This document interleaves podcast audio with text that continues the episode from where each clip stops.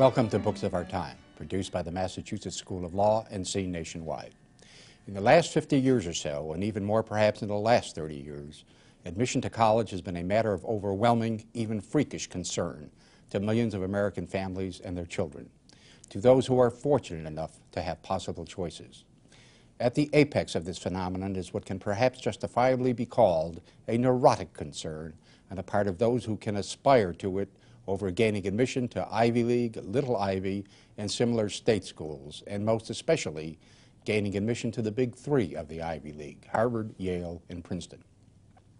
Today, in the first of two programs on it, we shall discuss a book on the subject of admission to Harvard, Yale, and Princeton for the last 105 years, from 1900 until today. The book is The Chosen by Jerome Karabel, who is a professor at the University of California, Berkeley, and a senior fellow at the Longview Institute, which he describes as a new progressive think tank. The Chosen tells a story that to a significant extent is a reflection of changes in this country since 1900, a time when the nation, like the Big Three, was ruled by a WASP establishment. With me to discuss the book is its author, Jerome Karabel, and I am Lawrence R. Velvel, the Dean of the Massachusetts School of Law. Jerry, thank you for coming to be with us today and on the next program.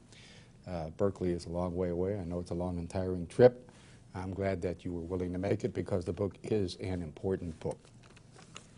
Why don't we uh, Why don't we start, Jerry, if you don't mind, uh, by you telling the audience why the book is divided into three sections, roughly 1900 to the 1930s, roughly the 1930s to the 1960s, roughly the 1960s until today.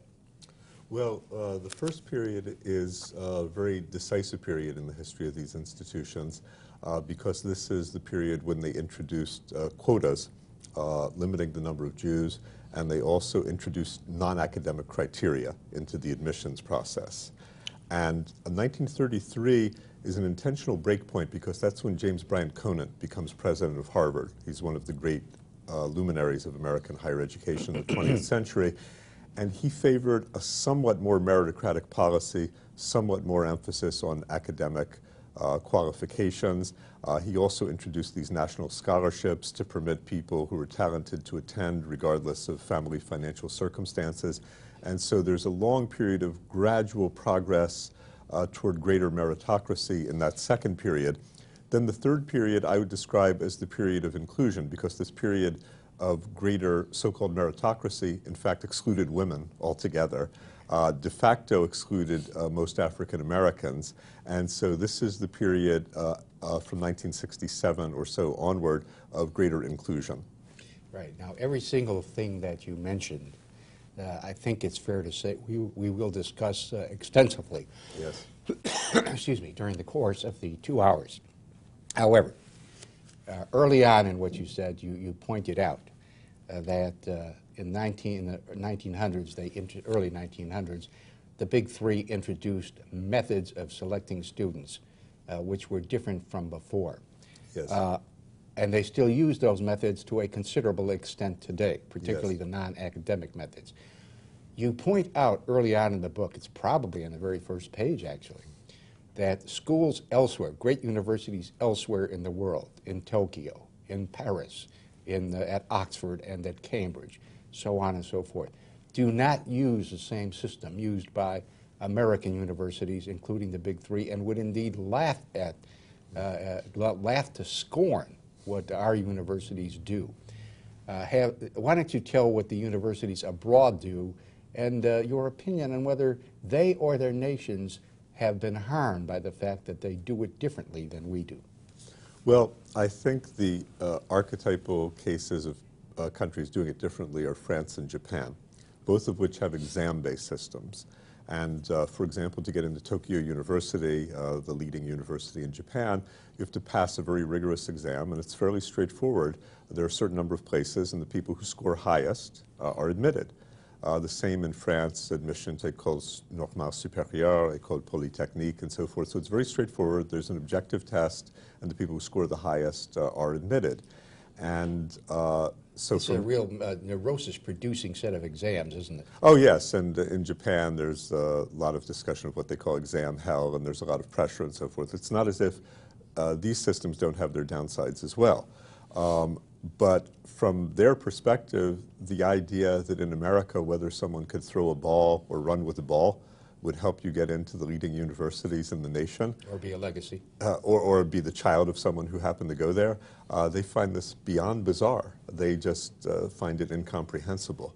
So the system that we take for granted, and this is one of the things I emphasize in the book, is actually very strange when you detach yourself and look at things either from a comparative or a historical perspective. Now, as far as how these societies have been affected, well, obviously uh, Japan and uh, France are both pretty uh, well-functioning societies. Their economies are fairly strong. Uh, uh, certainly France has greater social protection for the more vulnerable segments of its population. But I think uh, it Except perhaps the, the Muslim part, but that's Yes. just finding out. Yes, uh, that's, uh, uh, that's, uh, that's true, I, I, I think. Um, that uh, in the case of France, I think some of the distinctive features of their intellectual life, uh, the fact that uh, a lot of their uh, leaders have a philosophical grounding, these have to do with peculiarities of the uh, educational system.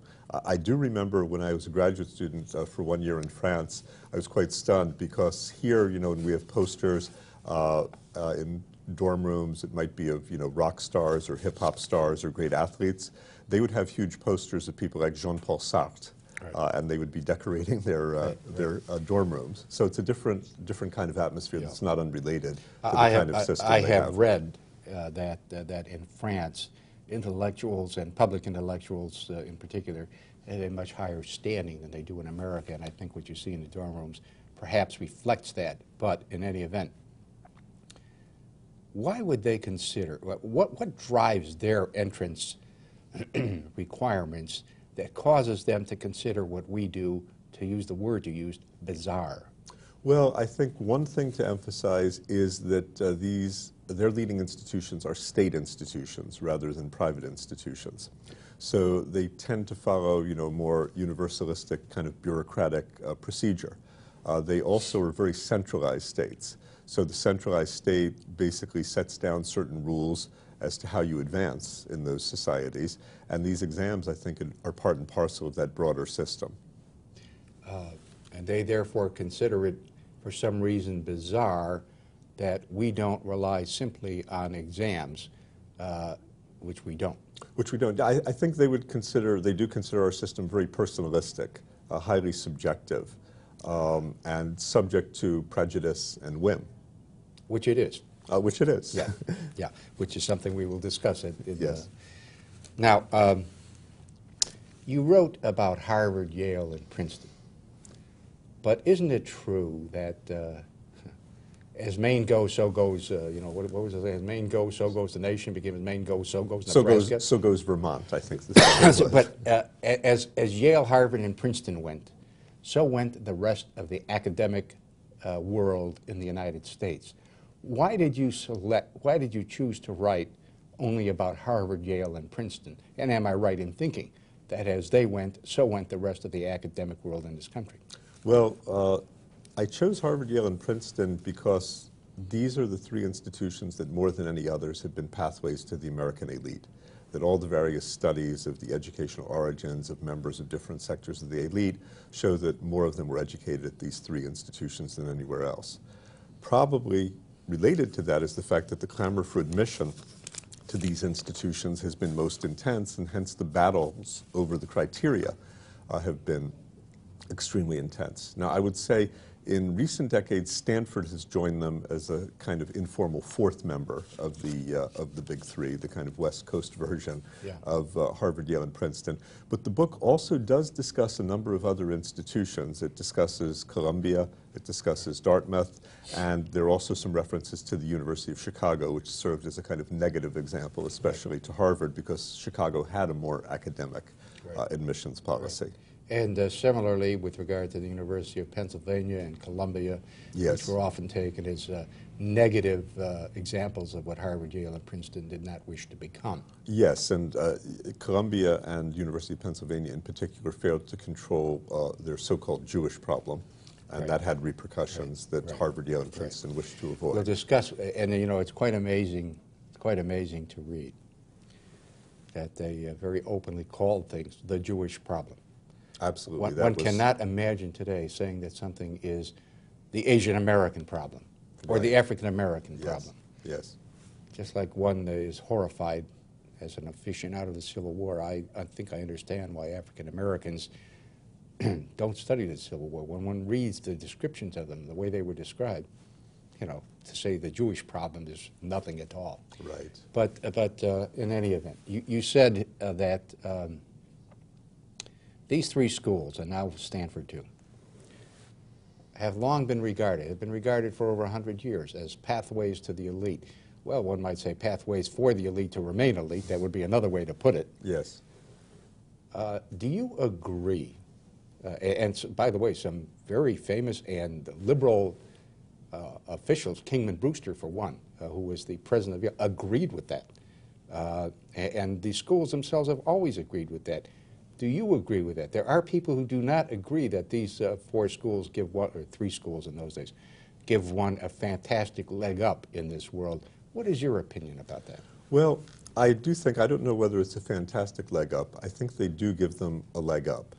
And uh, there are a variety of ways in which they do this, but I would say one of the principal ones is um, what sociologists call social capital. That is to say, the networks or contacts that people make in these schools, which then can facilitate their advancement uh, later uh, in life.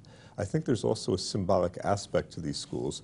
Uh, that is to say, the very fact that you have the degree uh, has some symbolic meaning and confers some kinds of advantages.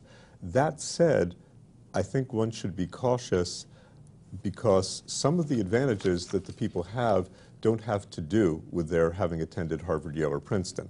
They have advantages often of social class background. Uh, they may be very am- ambitious people, which is part of what brought them to Harvard, Yale, and Princeton in the first instance. Uh, they're at least reasonably good academically uh, in, in recent decades. So these are people who would have done well and would have been disproportionately represented in the elite, regardless of where they went to school. That said, I do believe, and there's a wide body of research supporting this, that going to these schools does give them a definite leg up. Let me uh, put a question of cause and effect to you, Jerry. People like Kingman Brewster, perhaps one ought to say even Kingman Brewster, because he was a guy whose heart was largely in the right place, which is not always true of the leaders of those schools. Even Kingman Brewster believed, as those schools have uh, propounded for a hundred years, Longer even. longer even, that's true, that, uh, that um, they are selecting people who will be the elite of American society. In point of fact, if they are right in saying that going to these schools does give you a leg up of whatever degree, and sometimes I think a very high degree, that's my personal opinion based on my personal experience, then they've got cause and effect all wrong, don't they? It's not that they're selecting people who will be the elite of American society. It is to some major extent that people become the elite of American society because they go to those schools. Well, I think uh, you take Kingman Brewster as an example, and Kingman Brewster was, you know, a liberal reformer. He was part of the progressive wing of the elite. He used to talk about Yale having a responsibility to educate a thousand leaders. Not coincidentally, Yale used to admit about a thousand freshmen when he was articulating this uh, position. Now, in fact, many of the thousand people would not become leaders of any sort, however broadly defined. But the aspiration of Yale and of these other institutions has been to educate as many leaders as possible. I think that um, these people uh, are disproportionately represented uh, in the elite. Most of the elite, however, did not attend these schools or schools like them, that America has a fairly complicated and diverse elite. But uh, there is vast overrepresentation of people who've gone to schools such as uh, Harvard, Yale, and Princeton. And I think it is partly a function of birth. That is to say, George W. Bush, for example, would be a perfect example. He was someone who was probably destined to have a fairly high position by birth, and going to Yale was probably not the crucial factor in determining his position in life. It may have helped him in some uh, particular ways. So I think they have a kind of complicated relationship where, on the one hand, they transmit privileges of a segment of the existing elite, but they also have a mobility function where they handpick some people who are not from the elite who may be destined for the elite. Jerry, um, I want to talk about uh, the somewhat contrary uh, opinion of a fellow named Alan Krueger and Yes. his co-writer Stacy uh, uh, Dale. Berg Dale, uh, Yes. Da- Dale Berg. Yes. but before I do, I want to ask you your opinion of a subject that I've written about in a blog that I do, and I've never seen anybody else refer to it uh, except uh, a joke made by Alan Dershowitz on television one day. What do you think about the fact, in this particular regard, in the regards we've been talking about, that if Samuel Alito is confirmed, we will have on the United States Supreme Court six graduates of Harvard, two from Yale, and one from Northwestern, and uh, two from Stanford. We'll have just that would be Rehnquist and uh, and uh, O'Connor. excuse me, O'Connor will have just been on. But it'll be six from Harvard, two from Yale, uh, one from Northwestern. The current president is from Yale. The last president was from Yale. The president before that was from Yale. John Kennedy was from Harvard. Roosevelt was from Harvard. I live on the East Coast. I have lived on the East Coast ever since I left the Michigan Law School. And it's my uh, considered opinion that uh, in the, on the East Coast in law and throughout the, uh, the academic world all over the country, uh, one is at uh, a significant disadvantage if one has not gone to one of these three schools. Now, that's a couple of questions wrapped into one. Well, I think it depends on the segment. I, I can say that, for example, if you're trying to rise in the uh, arena of law, uh, all the evidence suggests that um, where you went to law school is extremely important, and certainly going to these institutions may facilitate entrance into some of the leading law schools. So we did our own study, which is not reported in the book, of the law faculty at the leading six and I think dozen law schools, and a remarkable proportion. that out? Uh, yes, there are things actually in this long book that are not in, in, in the book. And uh, a remarkable proportion of them did their undergraduate education at Harvard, Yale, and Princeton. And I think the legal profession is a perfect example where failure to go to certain schools virtually precludes uh, getting partnership in certain kinds of firms and so forth. I think the business world is uh, Can, much. can I interject yes, something? Yes. And then you go back to the business Sure. world. Yes. You know, 175 years ago, roughly, Yes. de Tocqueville, when he toured America, said that the law profession is the aristocracy of America. Yes. And I think that has largely remained true for good or for ill because vastly disproportionate portions of our governing class, Yes. and uh, indeed even of, uh, uh, of uh, Wall Street, are people who are lawyers.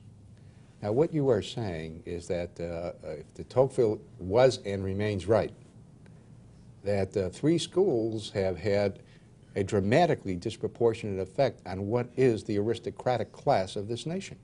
Well, I think that uh, certainly in terms of uh, the government, I think uh, the figure was something like by, not, by 2008, for 48 of the last 108 years, the President of the United States will have been a graduate of Harvard, Yale, Princeton, undergraduate. So that doesn't even include people like Clinton and Gerald Ford, who went to Yale Law School.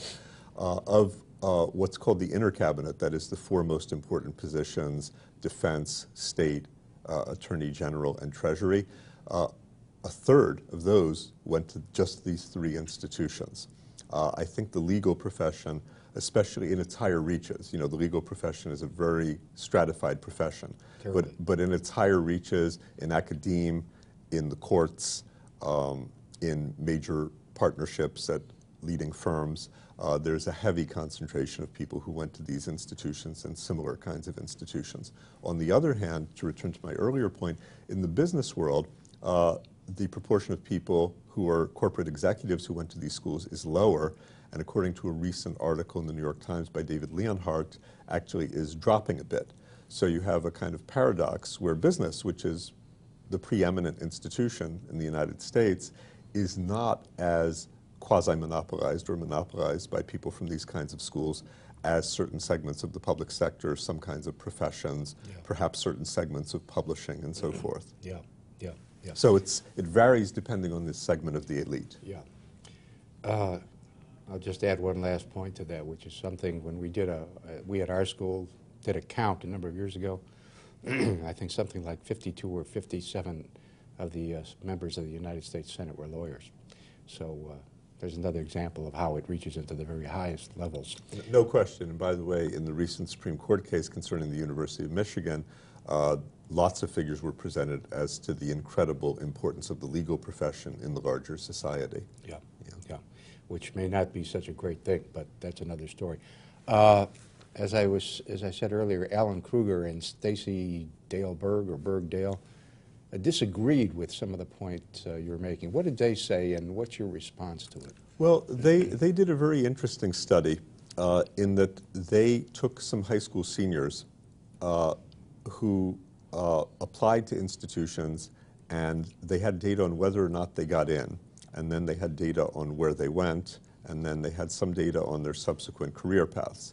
And what they showed, which I think is largely correct, is that most of the difference between someone, let's say, who goes to uh, Brown, let's say an Ivy League school, and Penn State is explained not by the difference between Brown and Penn State, but by prior differences in social background, in aspirations, in academic performance, and so forth. So they make a very, I think, uh, extreme argument that once you control for all of these things, that in fact there is no effect. But even in their own study, what they show is that people who are from minority or working class backgrounds do actually have a benefit from attending these schools. So if you're in that small group of people from relatively unprivileged backgrounds who go to these schools, then you do benefit. So that, in a way, I think, uh, modified or attenuated the import of their finding. But I would also say that uh, their study is one of many studies, and the bulk of the literature points uh, in the other direction. But I do think on one crucial point, they're correct. To take an example from my own territory in California, if you compared people from Stanford and let's say Hayward State, which is a fine state college, you would find that the people from Stanford had much higher status occupations, they made much more money, and so forth. And so the question is how much of that is due to these people having gone to Stanford versus Hayward State, and how much is due to other characteristics uh, on which they differed at the point of college entry, the so called selection effect. And I think there's a consensus among the scholars who study this that most of that difference is due to pre-existing differences. It's not a Stanford effect. But some proportion of it, I still do believe, and most of the people who do research in this area, is an independent Stanford effect. I'm going to come back to that after the next question. Sure. Uh, I want to get one, one question out of the way. what you have said in this book and what you were saying on this show is uh, material of uh, vast import. We haven't even begun to scratch the surface yet of what you're going to say. Is material of vast import to the question of social mobility in this country. Did you write this book to educate the public, to educate scholars, uh, some, uh, some uh, combination of the two? And secondly, to what extent did your goal affect the nature of the book itself? So it's a great question, and uh, the answer is that I tried to do a very difficult thing, which is on the one hand, I tried to satisfy my scholarly colleagues and meet the highest academic standards of uh, research and logic and evidence. At the same time, I tried to write a book that would be of interest to the broader public. And so I tried to write it in a way uh, that would be interesting to people. Uh, I did make a conscious decision uh, to try to tell the book as a story. Uh, the book has characters, some of whom I think are quite colorful. Yeah. Uh, the book actually has pictures, um, and uh, some of the pictures are, I, I, think, very interesting. and the book does not have any tables or diagrams or charts. so these were all conscious decisions made to make the book, as it were, reader friendly and yeah. to try to reach a broad audience. At the yeah. same time, the book has over 3,000 endnotes. Yeah. And so. Which are some of the most, which contain some of the most fascinating material in the yes. Yes. Uh, well, thank you. And I, I, think for people who are interested in the topic, it is well worth reading the endnotes because they aren't just sources and citations, but they often have substantive uh, material. Uh, so what I tried to do was to balance the needs of uh, the scholarly world with the needs of the broader uh, public. And I tried to write it in a way that would address both, and I guess it's for the reader uh, and my fellow scholars to judge the extent to which I succeeded, but it did affect uh, the way uh, I, I, wrote the book. In this regard, Jerry, uh, would you call yourself a child of the 50s? And the reason I ask the question is this. I grew up thinking that this was the appropriate uh, uh, methodology for a scholar, mm -hmm. to bring information of great import before not just fellow scholars, but the public. That's indeed why we do our television shows. Mm -hmm. uh, and why we do a, a, magazine that we do, but preeminently the television shows. And this all seems to have been lost dramatically in the last 40 years, and, and in a certain sense, what you've done is a throwback to an idea which, even if never, if never really implemented, was a governing idea 50 years ago. What's your reaction to this question? Well, um, it's interesting you mentioned the 1950s. I was born in 1950, so I am a child of the 50s. I came of age more in the 60s. And I do remember as an undergraduate reading uh, C. Wright Mills, uh, great sociologist of the 1950s and early 1960s, authors of such work as uh, The Power Elite, Sociological Imagination, White Collar. And I remember having an almost reverential attitude toward Oxford University Press and this imprint Galaxy. And my first two books were with Oxford, partly because of the psychological effect of the association with C. Wright Mills. And C. Wright Mills was a great example of someone who was a great scholar, but who really tried to write for the public and who succeeded in doing so. And already, even then, he was somewhat marginalized within the profession of sociology as uh, too popular. Now, uh, what I tried to do here uh, with all the endnotes and the documentation was to write a book that did meet scholarly standards. But yes, this idea that you try to address the public as well as your colleagues, this is an idea that has become increasingly peripheral to academia as it's yeah. become more specialized. Yeah. yeah. One of the great examples in a field uh, that I'm very interested in, history, and particularly Civil War history, is James McPherson, who, as I understand it, has been marginalized by many uh, professional historians uh, because he has been so successful in bringing brilliant, uh, brilliantly written books on the Civil War to the public. And he's, of course, one of the leading scholars uh, on the yes. Civil War. Well, I think the discipline of history compared to social science does a bit better in kind of crossing the divide between the scholarly world and the public. But I think the social sciences, economics, psychology, anthropology, political science, sociology, have been less successful than history in finding a way to communicate to the public, which ultimately, of course, sustains uh, the scholarly world. You know, uh, there was a movie on Mozart uh, a number of years ago, and the king of, uh, I don't know, Prussia, whatever, whatever he was, heard something by Mozart, and he said to him, too many notes, Mozart, too many notes. And Mozart said, uh, you know, well, which one would you remove, sire? But uh, there's too much math, and there's too much jargon, and I'd remove it all. And uh, I first formed that opinion in the 1950s when I was an economics major and started reading some of it. But anyway, um, we live in a world today, Jerry, we're in the big cities, New York, Washington, Chicago, L.A. People are just nutso about the colleges. Um, why don't you tell a little bit, of, which you have done in the book, about what they do it, it costs up to $30,000 for a consultant now.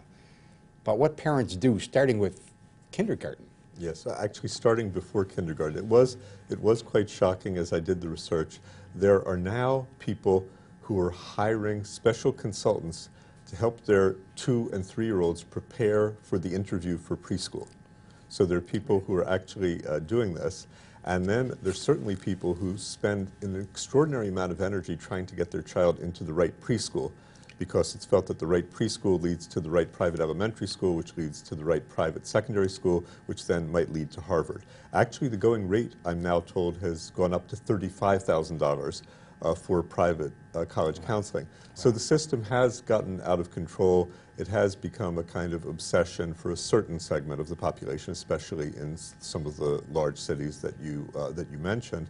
And what I say in the book about this is that the uh, system has succeeded more in democratizing anxiety than in democratizing right, opportunity. Right, right, So now anxiety extends even into the highest reaches of the elite because unlike 50 or 60 years ago, even the highest segments of the elite are not sure that they can get their children into these most prestigious schools. Right, right, which is, which, as we will talk about, is a result of certain changes in the admissions process. But before we wrap up this segment, they would like us to wrap it up. But I want to ask you a related question to what you were just talking about.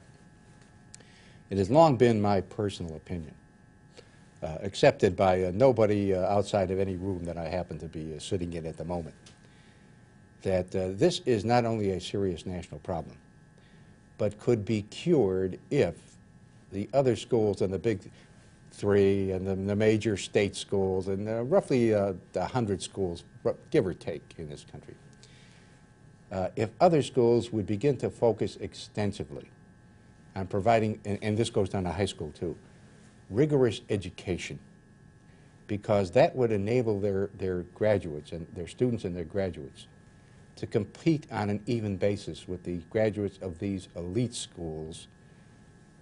Uh, and, and, and also, people, I think, would ultimately come to see that this education is just as good as what you, could, what you would get at Harvard. I think in the long run, even the contacts and networks would no longer mean as much as people began to realize that if you went to this school or that school or the other school, you're going to get a superior education. You know, in Mississippi, it helps to come from the University of Mississippi, which by national standards is not considered, uh, you know, the network is there, from, which is, you know, that won't get you anywhere in New York unless you're Willie Morris, uh, and he's dead.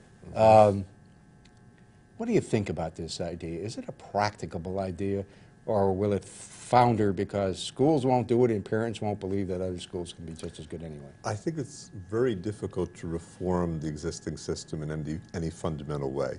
That America is a very unequal, ferociously competitive society. There are widespread anxieties about downward mobility, and for good reason, because in fact, if you fall toward the bottom here, uh, you have less protection, you're more vulnerable than in other societies. On the other side, if you are at the top, the rewards are greater than in any other country in the world. And we have a system, this odd mix of public and private institutions. The private institutions have some huge advantages because of their immense endowments. Harvard's endowment now is past $25 billion. So trying to find a way to produce greater equality in this system, given its structural and historic characteristics, it's very difficult, I yeah. think. Yeah. We have to take a short break. We've only uh, put our toe into the water here. Uh, we'll be right back. Stay with us for more on the admissions uh, process at the Big Three.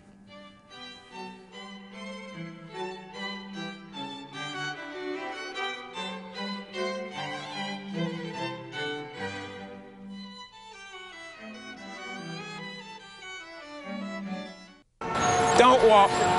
Don't walk. Walk. Do not enter. Hot dogs. Definitely like hot dogs. Motorcycle club. Everything must go. Ghostly ghouls. Don't look at that, Teddy. Body piercing. Ouch. Everyday moments can become teaching right, moments buddy. because learning starts long before school does. Give your child the start they need at bornlearning.org.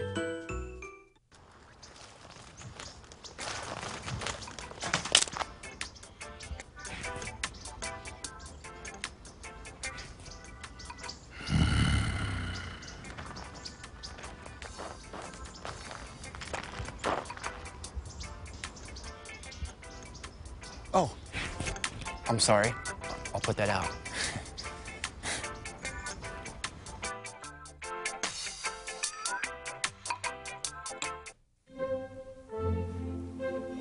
Two words for you pop quiz.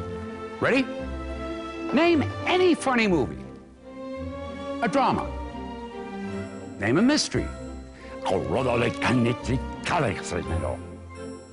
And one more thing name the movie your kids saw today in science class. Know what really matters. Know about your kid's school and know about your kid.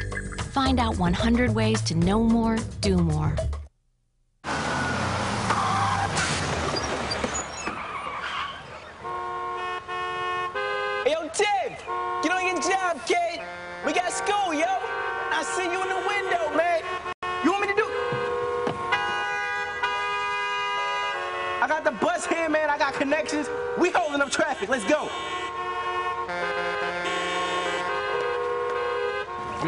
Your life like that, yeah?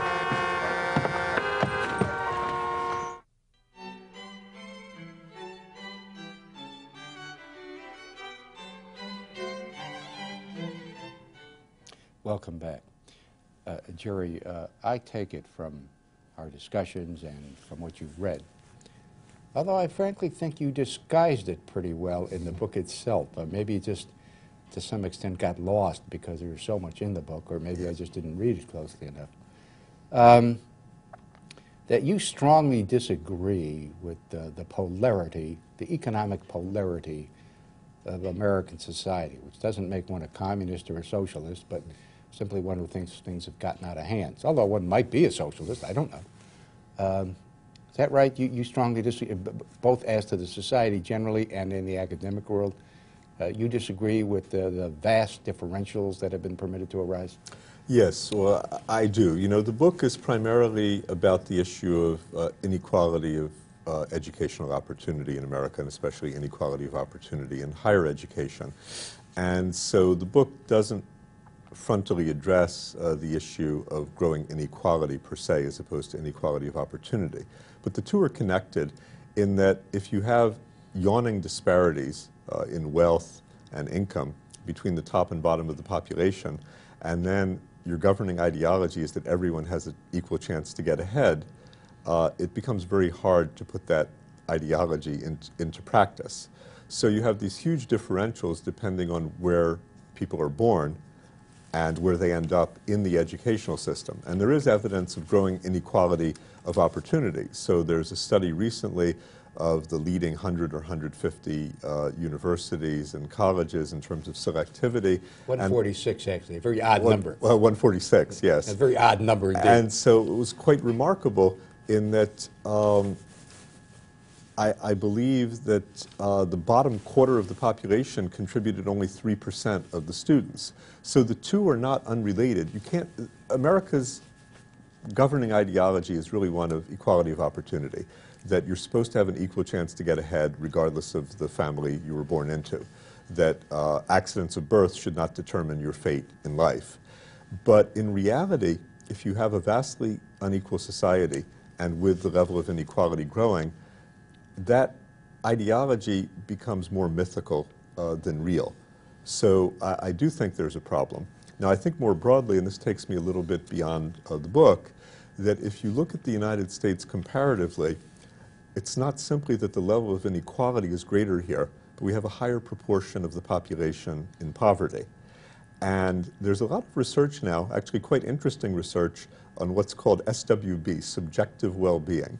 And it's, it's uh, very interesting in that it shows that for most of the population, increments uh, in income don't really change their level of happiness or subjective well-being. But for poor people, it's very different. That getting poor people out of poverty makes a great deal of difference. And it makes a great deal of difference in their physical health. It makes a great deal of uh, difference in their subjective well-being. And so I think we do have a problem here that um, there's not a great willingness to acknowledge. You know, there's this uh, perception, and Ronald Reagan put it uh, brilliantly from his political perspective, as he often did, uh, that we fought against a war against poverty and poverty won. Now, this is actually mythical, that in fact uh, the Great Society actually reduced poverty uh, to a very significant uh, extent.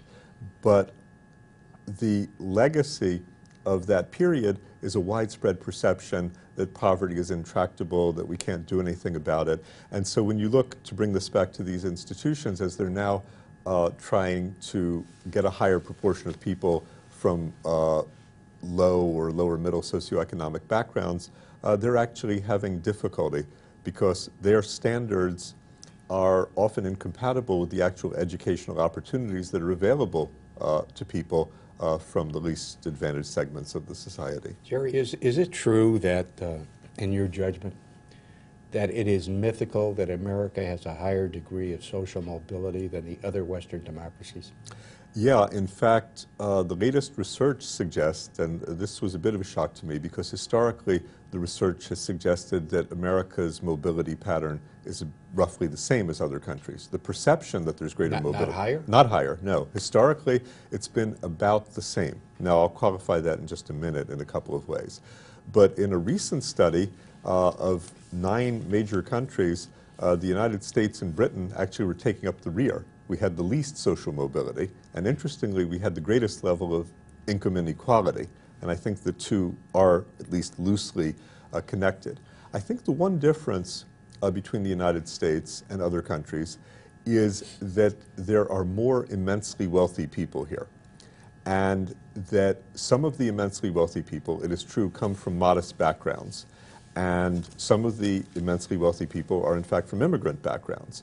And so the opportunity to get really, really wealthy is greater in the United States. And if you come from a modest background, even a foreign background, there probably is a greater opportunity to become immensely rich than in other countries. What would you say about the following idea? That the fact that there have been some immigrants, some people Yes. from poor backgrounds who have become immensely wealthy. Let us start with uh, Vanderbilt, for example, Yes. for example, or uh, Car- Carnegie in the, in the 19th century. Uh, this has uh, misled people into thinking, well, it's sort of a social opiate, as it were. It's misled people into thinking that they too will have such a chance. Well, yes, they have such a chance. It's just that those who can uh, make use of this chance are such an infinitesimally small figure that, to a real extent, we're fooling ourselves. Well, I, I think there is, there is an issue there. One of the figures that I cite in the book, which uh, shocked me when I saw it, uh, there were two aspects of distortion of reality. One was that 20% of the American population somehow thought they were in the top 1% of the income distribution. Well, obviously, only 1% by definition can be in the top 1%.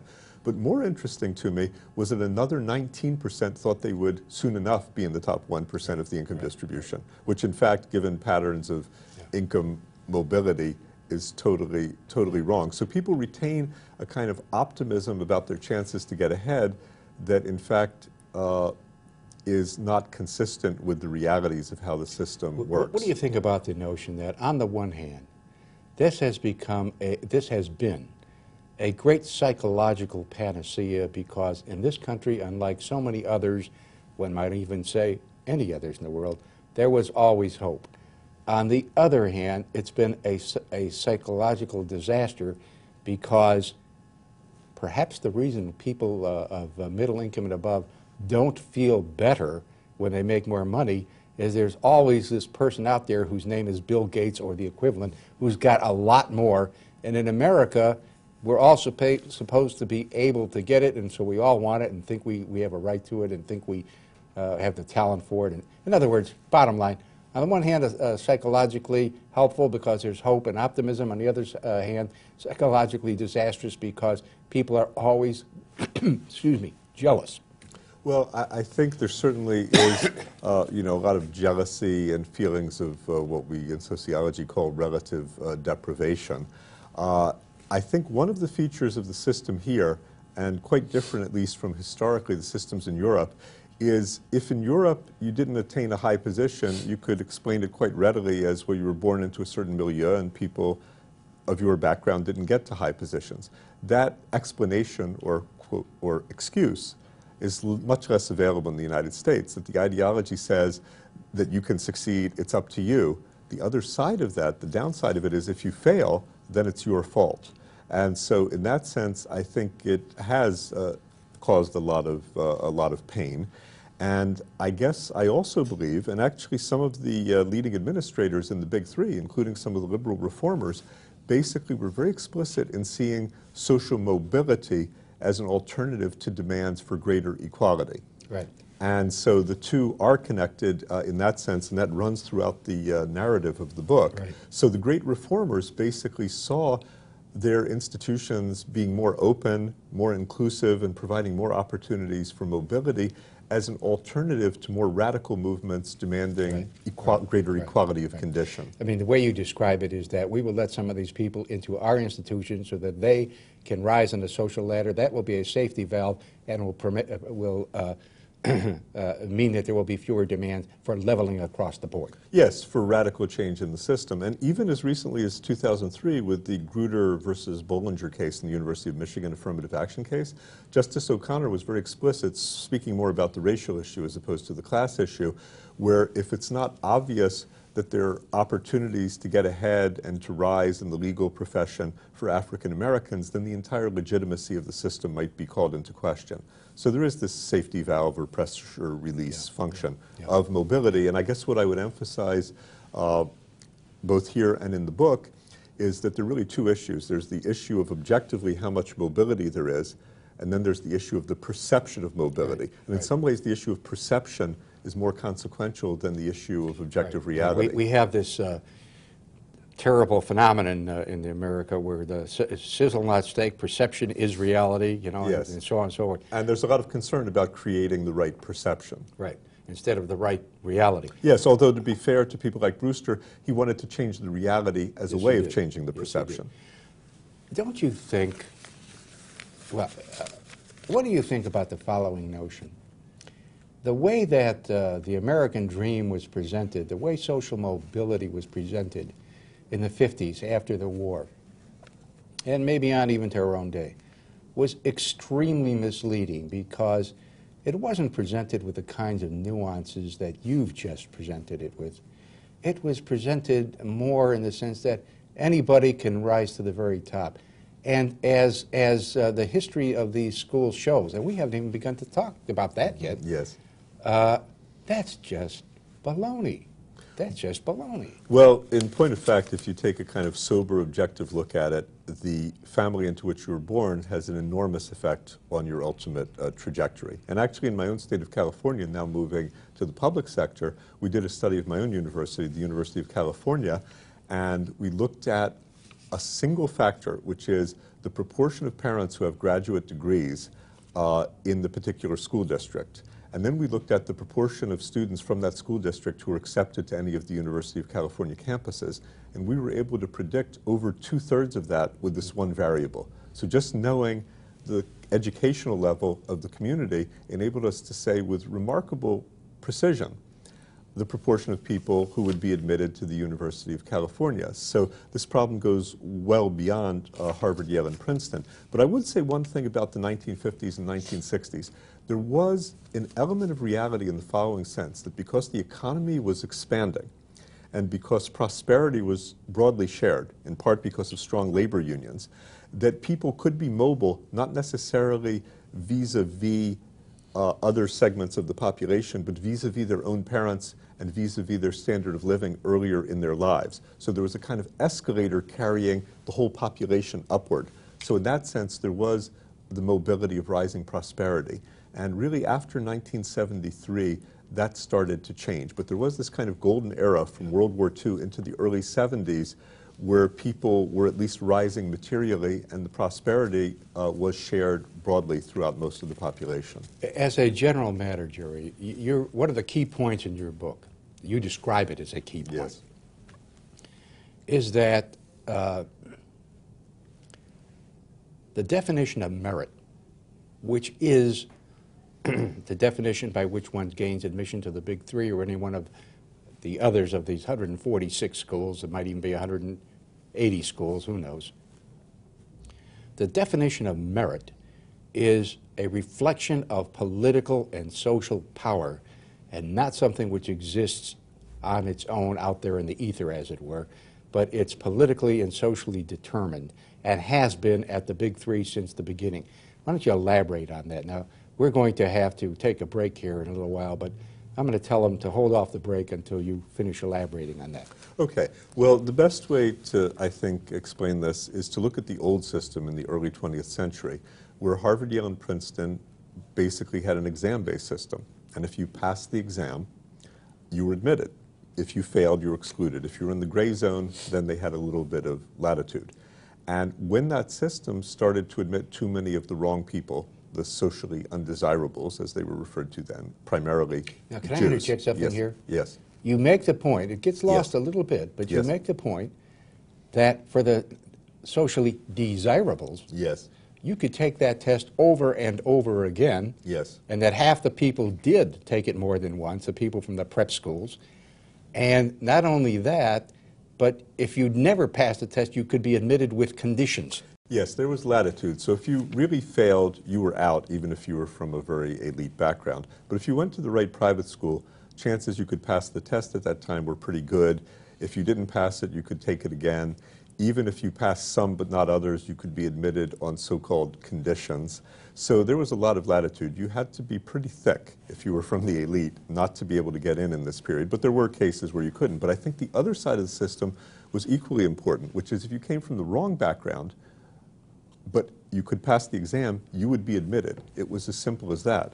And that's why that system was eliminated and why that definition of merit was changed. It was changed because it started to produce uh, the wrong outcome.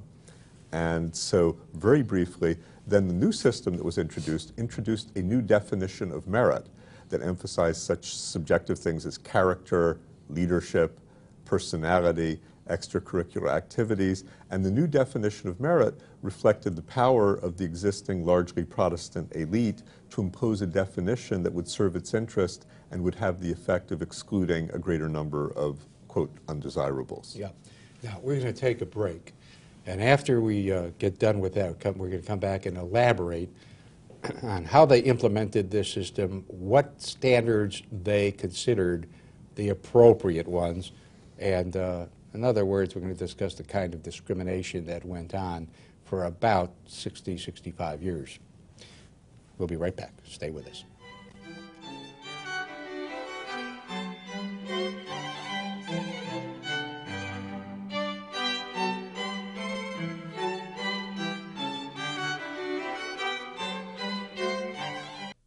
Can I ask a few questions about the apartment on Park Street? What was your name? My name, uh, my name is Juan Hernandez.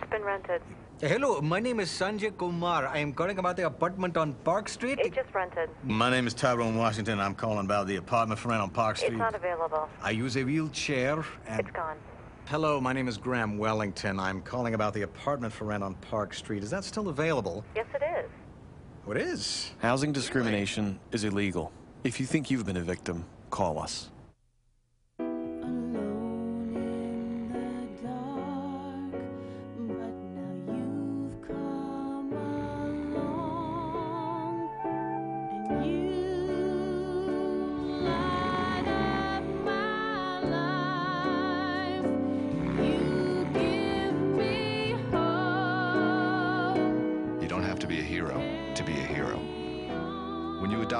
From foster care, just being there makes all the difference.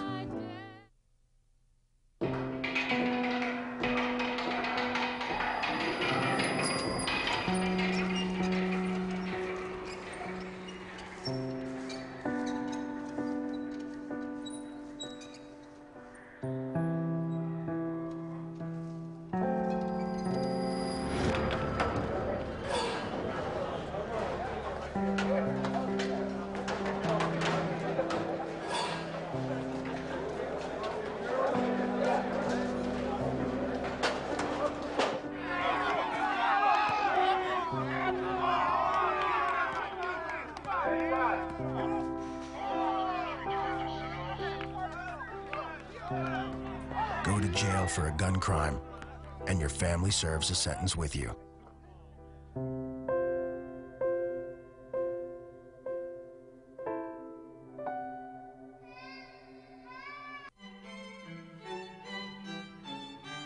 Welcome back. Jerry, why don't you tell what happened around 1900, 1905, uh, 1910? What was the definition of merit?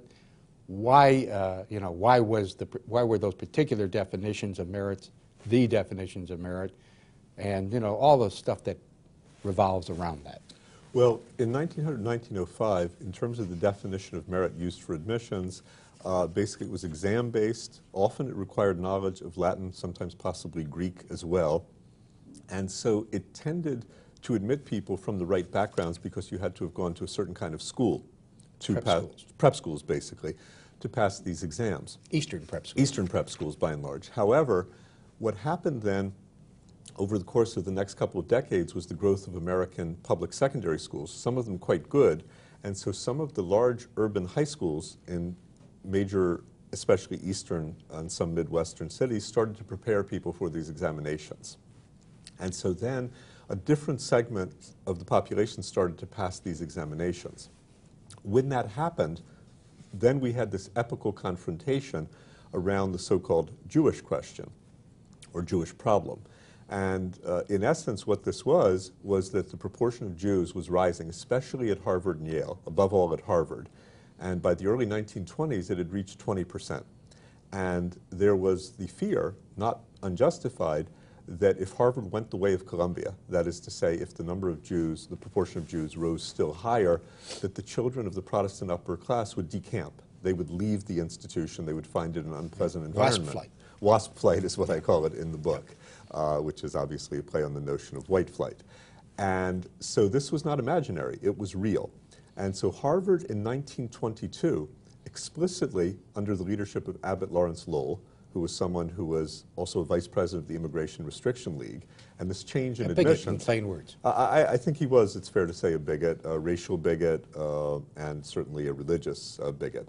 Uh, proposed explicitly and publicly that a quota of 15% be imposed on Jews. Now, in fact, there was widespread support within segments of the Harvard faculty, but a lot of people didn't want to be on public record as re- supporting a quota because, in a very profound sense, a quota is un American. It contradicts the idea that your advancement is based on your individual accomplishment rather than the group that you happen to be born into. So, in fact, this confrontation at Harvard really lasted four years from 1922 to 26. And initially, the faculty actually voted down uh, even a softened version of the proposal. But Lowell was undeterred. He felt that Harvard's fate was at stake. And so, uh, telescoping uh, here, but it's covered in great detail in the book, is that Harvard and also Yale and Princeton came up with a dramatically new definition of merit.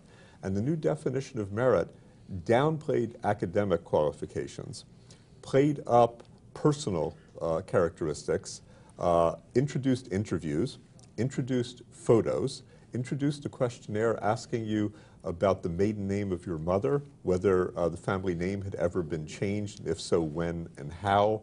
Uh, lots of things And your designed. mother's religion. Uh, your mother, your mother's religion, your father's religion. Lots of things designed to identify uh, the uh, students of Jewish origin and to limit their numbers. But there was a broader change, and that is that a new definition of merit arose that was highly subjective, highly personalistic, and basically gave enormous uh, weight to non-academic And characteristics. they would use interviews by uh, uh, administrators and alumni. Administrators I, and I was once interviewed by a Princeton alumnus. Uh, you know, Yes, it's a whole other story. And they would use this as screening, and I, I think uh, they were very well aware that the interview would enable them to come up with an assessment of dress, of speech, of deportment, of appearance, and so forth, that they would be admitting someone on a whole variety of characteristics.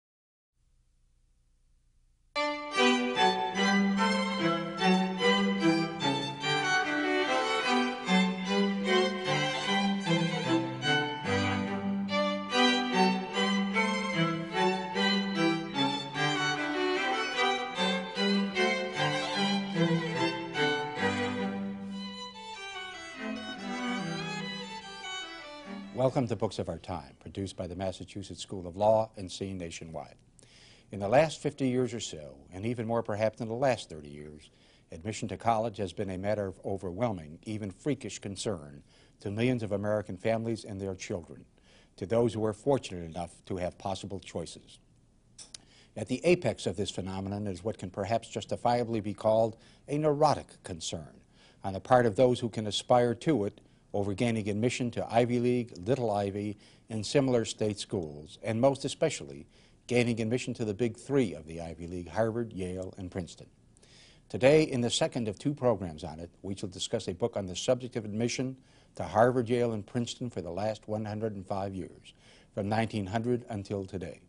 The book is The Chosen by Jerome Karabel, who is a professor at the University of California, Berkeley, and a senior fellow at the Longview Institute, which he describes as a new progressive think tank. The Chosen tells a story that to a significant extent is a reflection of changes in this country since 1900, a time when the nation, like the Big Three, was ruled by a WASP establishment. With me to discuss this book is its author, Jerome Karabel, and I am Lawrence R. The Dean of the Massachusetts School of Law. Jerry, thank you for sitting for a second interview to follow up on the first one. You begin the book with a description of FDR, And it's obvious that FDR is symptomatic of what the first third of the book is really all about, both as to why he got into Harvard, what he did when he was there, how people thought about him, how Endicott Peabody, Peabody thought of him, and so on and so forth. So why don't you elaborate a little bit about what you said about FDR and how that was represented, representative of what you were talking about? Well, uh, FDR, uh, very conveniently from the point of view of the book, arrived at Harvard in September 1900, which is when the book begins. And so I begin with FDR because FDR was a kind of characteristic patrician. He had gone to the Groton School, and Harvard uh, had predominantly private school students at the time. And I believe of the 23 members of his class at Groton, 19 had gone to Harvard. Two had gone to Yale, and two didn't even bother to go to college. School college. was only started uh, in 1884. That's right. The Groton School started in 1884, and it, in a way, was a transmission vehicle for the ethos of the British upper class, which had ties to the American upper class, and embodied uh, quintessentially uh, the ideals of the British upper class leadership, character, manliness, etc. And so Franklin Roosevelt, his admission to Harvard was pretty much taken for granted. He passed the exams, not very hard to do, certainly for someone from Groton.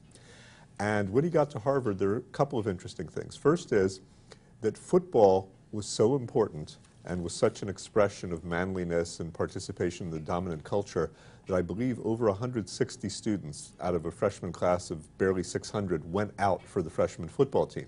Among them were, uh, was Franklin Delano Roosevelt, uh, who was so thin, uh, I think he was at least six feet and he weighed something like 143 pounds. Right. He was cut from the freshman right. team. Right. But the fact that someone who was physically so inappropriate for football felt that he had to go out, I think was revealing of the importance of sports and of football at that time. At Harvard, Franklin Roosevelt did perfectly well academically, but his main concerns were non-academic. He was very preoccupied with gaining admission to a final club, and in particular, one final club, the Porcellian, which was the most prestigious. And so he expended an enormous amount of energy trying to get into the Porcellian Club, and even someone as august as Franklin Delano Roosevelt could be vetoed by a single person. No one actually to this day knows exactly why he didn't get in but he was not admitted to the Porcellian Club. And to give you a sense of just how important this was in the Harvard of this period, this was up to the point when he contracted polio, the greatest disappointment is in his entire life. And so he was admitted to another final club, but one not yeah, quite as prestigious as said in the book that there's some, some uh, suspicion that it may be that somebody thought him, as he richly proved when he was president, many of us are sorry to say, a very deceptive and devious guy.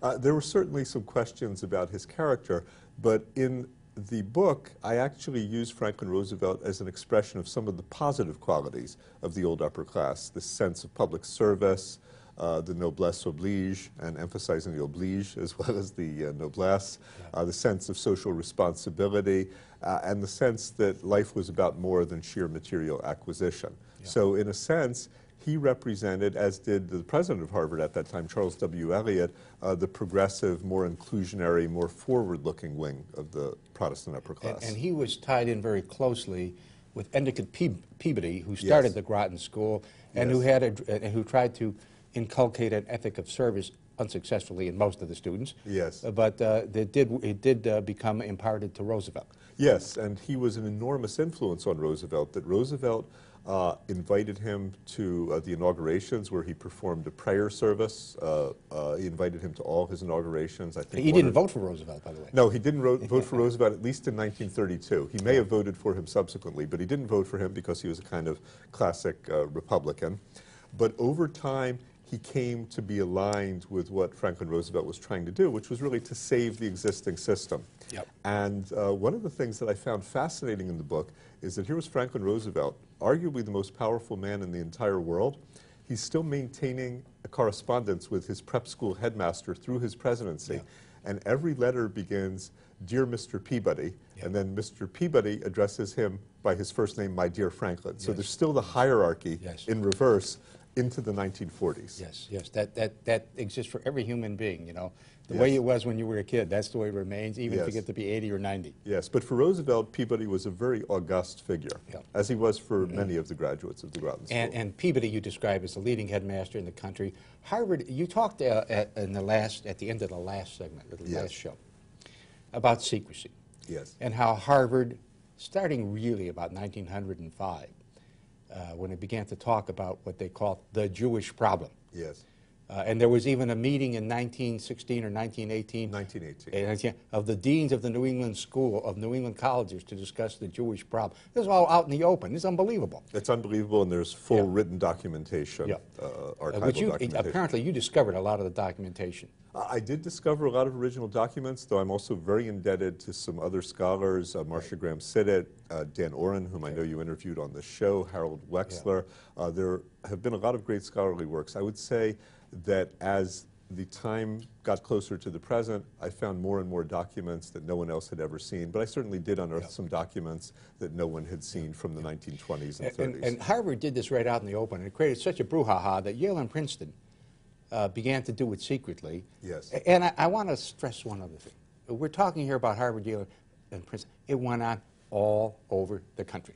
Yes, at private schools. It, you know, it didn't go on at the University of Michigan or my own university, University of California at Berkeley. But yes, it went on at Stanford, it went on at Amherst, it went on at Williams, it went on at the Seven Sister Schools. It was really the dominant pattern at the prestigious uh, private colleges.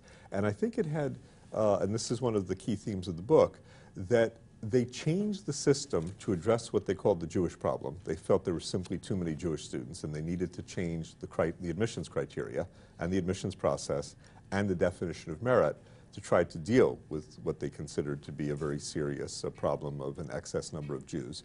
But they invented an entirely new system which then remained in place. And in many of its features, it's the system we still have today. So it's the system of personal interviews, personal letters of recommendation, preference for alumni children, preference for athletes, emphasis on extracurricular activities, focus on qualities such as leadership, character, and personality. None of these things existed uh, in 1920. They all were invented by the mid 1920s. Uh, I got to throw in one little point, uh, Yes. and then I want you to discuss how they use secrecy to hide the ball, even from people like Kingman Brewster. But uh, you, you, somebody uncovered, and it's in your book, that all these, that these schools and the women's schools would take, and this is unbelievable, naked pictures of the incoming students. You know what we call today full frontal nudity, Yes. as well as full rearward nudity, as part of their belief in, at the time in eugenics. They were trying to prove something or other. Somebody unearthed these pictures 50 years later. I mean, this is the length to which these people were going to try and make sure that only the right sort got into their schools. Well, I think, you know, at this time, this was considered uh, entirely normal. You know, it seems very bizarre uh, from our perspective now, but they were basically, they were very influenced by eugenics, and there was a sense that certain kinds of people with certain kinds of genetically based physical characteristics were superior to other people. And so Yale, in particular, used to keep meticulous records of the height of the entering freshman class down to the hundredth of a decimal. And what was quite striking was that the average population of Yale students was far, far taller than the American population. Uh, that um, I think physical characteristics, including height, would figure in admissions decisions. But what was fascinating to me, Yale did this till 1967. And in 1966, uh, when they changed the admissions policy quite dramatically to make it more academic and also less discriminatory, for the first time in memory, the actual average height of the freshman class dropped. Right. It had constantly been going up. And so something as unrelated to academic performance as height could then be affected by the new definition of merit. Uh, you know, I think of it as no short people with big ears, please. Well, that's what the Malcolm Gladwell review emphasized uh, in, the, in the New Yorker. Yeah, yeah. How did they use secrecy to hide the ball? Well, what they did, you know, the previous system was transparent. You had exams, they were more or less subjective, and if you passed, you were admitted. So basically, the new system was intended to give them a lot of discretion, that they could use their personal judgment on qualities, personality, appearance, social background, And basically, they left themselves very wide latitude to admit whom they wanted, and equally important, to reject whom they wanted. So I think the fundamental characteristic of the new system was precisely its opacity. Because if you're going to exercise discretion, and you don't want to be subjected to public scrutiny and criticism, if you have a transparent system, you can't really exercise that discretion. They even managed to fool somebody like Kingman Brewster.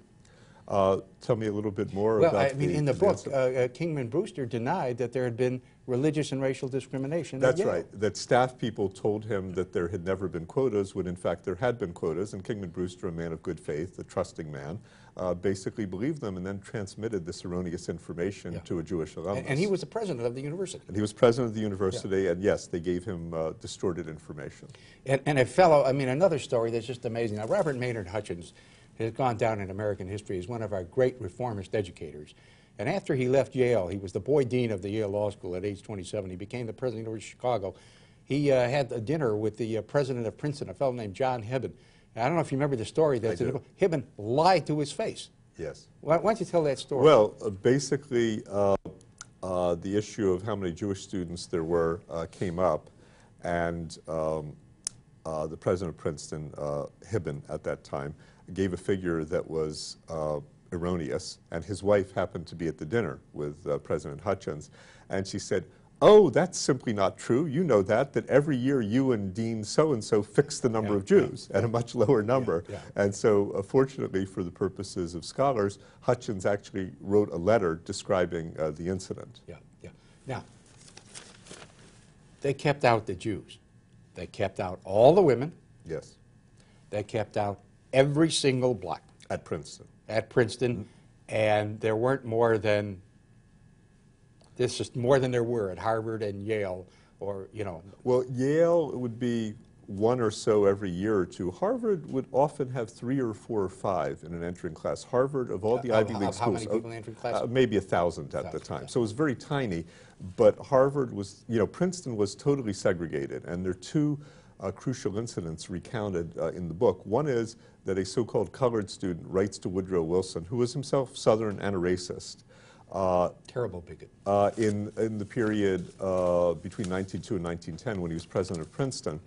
And uh, Wilson wrote back explicitly saying he could not advise a colored boy to apply to Princeton, discouraged the application. And in fact, Princeton had a color line. They simply did not take black students. Then in the 1930s, and this was one of the most shocking incidents that I unearthed during the course of the research, a student from what was then the leading public high school in New York City, Townsend Harris, had been admitted. Uh, he was a fine athlete. He actually came from a modest background. He'd been given one of the very few full scholarships. And he'd been an excellent student at Townsend and Harris.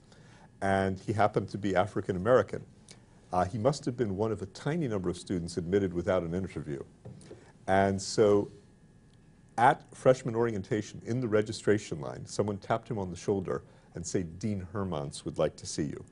And so the dean, both of freshmen and of admissions, basically called him in and said, oh, you wouldn't be happy here. Colored students don't go to Princeton. We have a lot of Southern students, which was in fact exaggerated. They didn't have very many Southern students.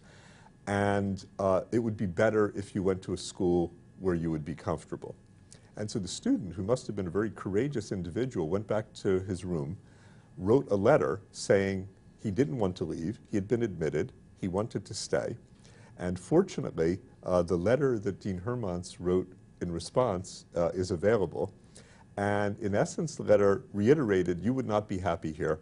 Uh, you should go to a school with more of your own kind. I personally am not prejudiced against members of your race, but you need to leave. And finally, at that point, uh, the student did leave.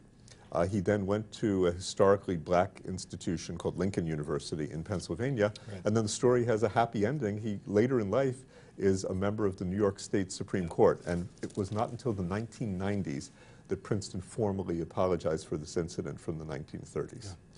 Uh, tell a little bit about the eating clubs at Princeton, the secret societies at Yale, and the honor societies at Harvard. The, the final clubs at Harvard, yes. Yeah, and, and how, I mean, the student bodies were just as bigoted as the people in the, uh, in the administrations, really. Well, uh, all of these schools had these club systems. Uh, the club system was most important at Princeton because the majority of the students belonged to the club system.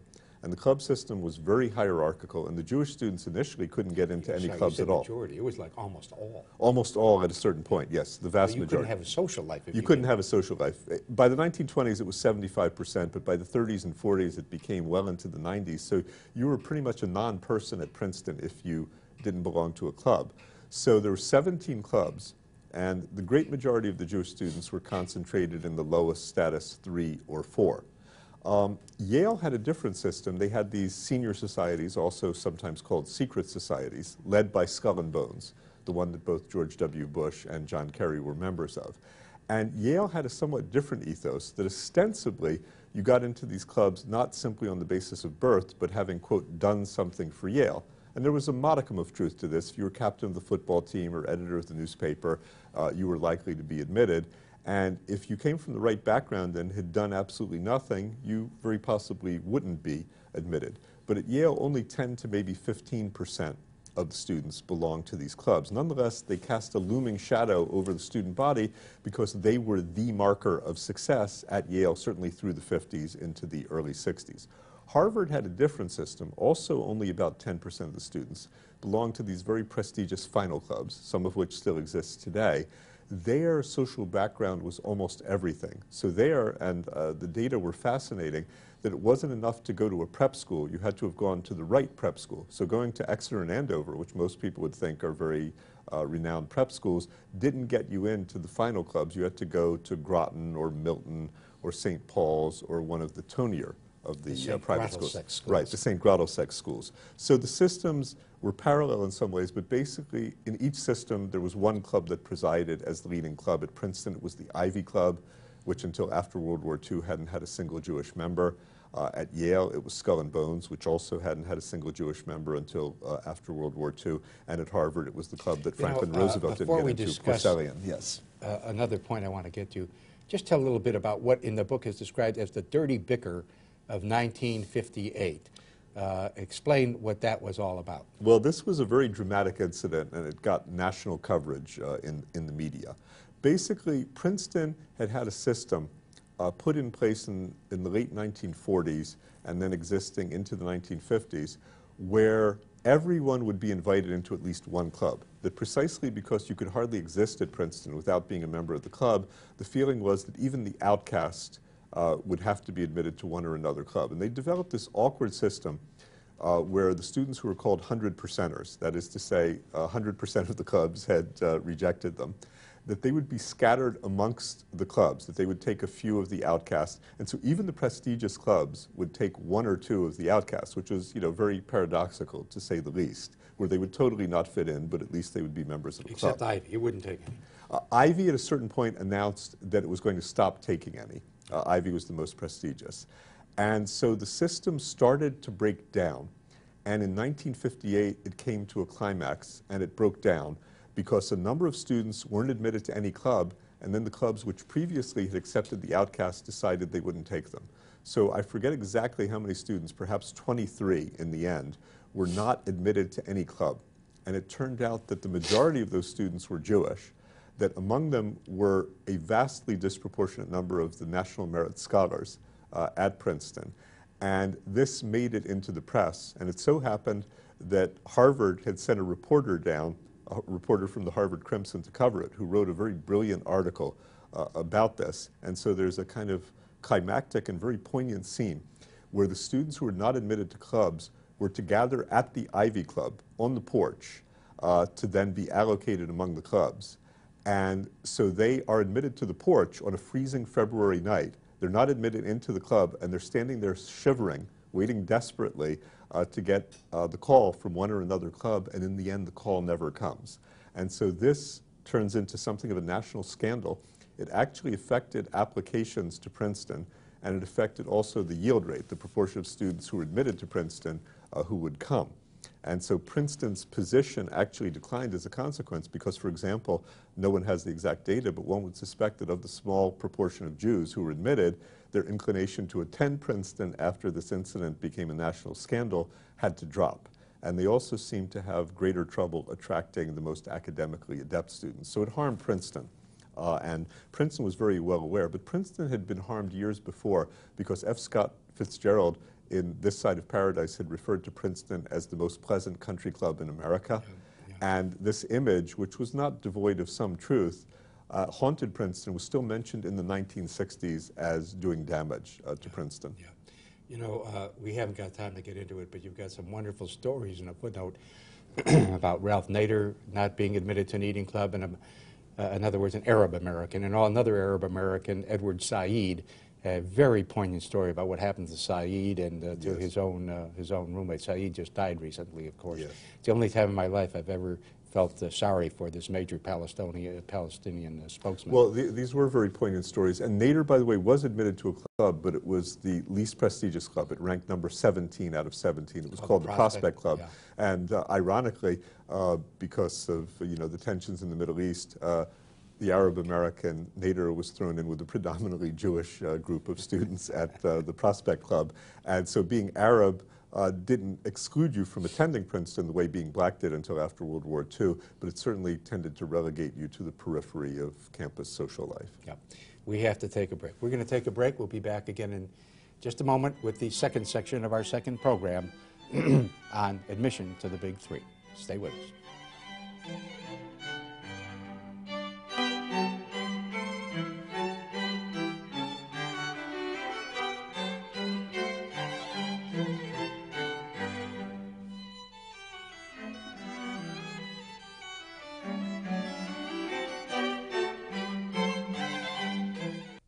Can I ask a few questions about the apartment on Park Street? What was your name? My name, uh, my name is Juan Hernandez. It's been rented.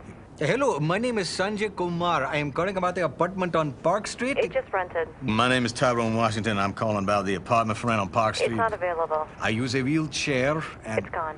Hello, my name is Graham Wellington. I'm calling about the apartment for rent on Park Street. Is that still available? Yes, it is. What is? Housing discrimination is illegal. If you think you've been a victim, call us.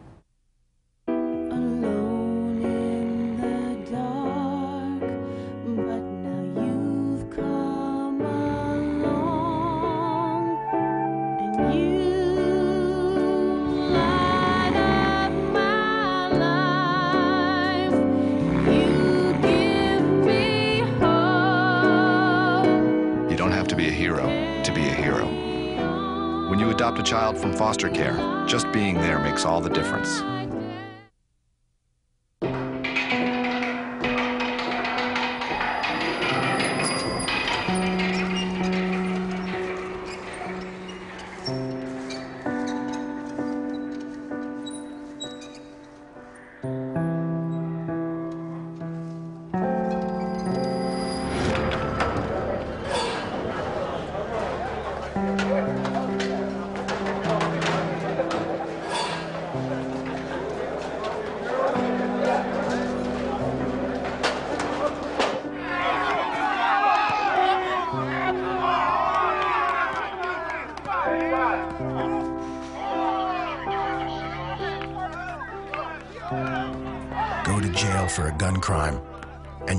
Serves a sentence with you.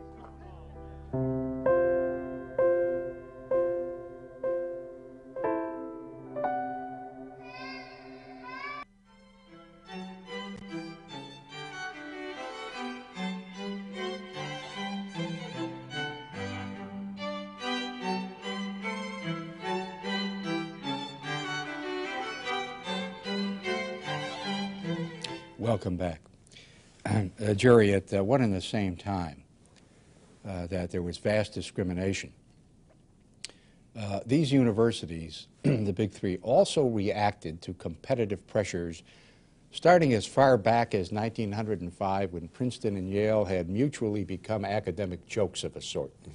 Why don't you describe how the co- competitive pressures affected these schools, say in the first part of the last century, then in the middle part of the last century, and then in the last part of the last century?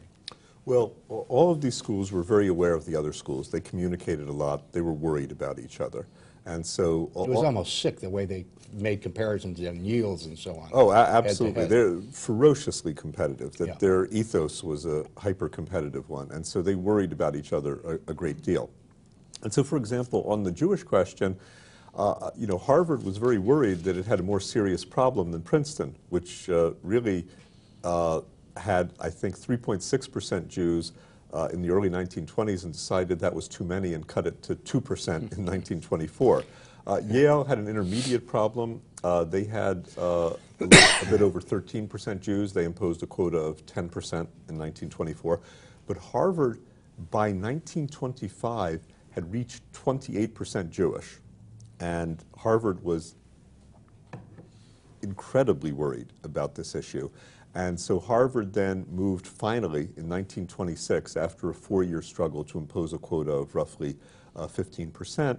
And this was in the context of uh, the passage of the Immigration Act of 1924, uh, which limited the number of Southern and Eastern Europeans who could enter the United States. Lowell had been the president, vice president of the Immigration Restriction League.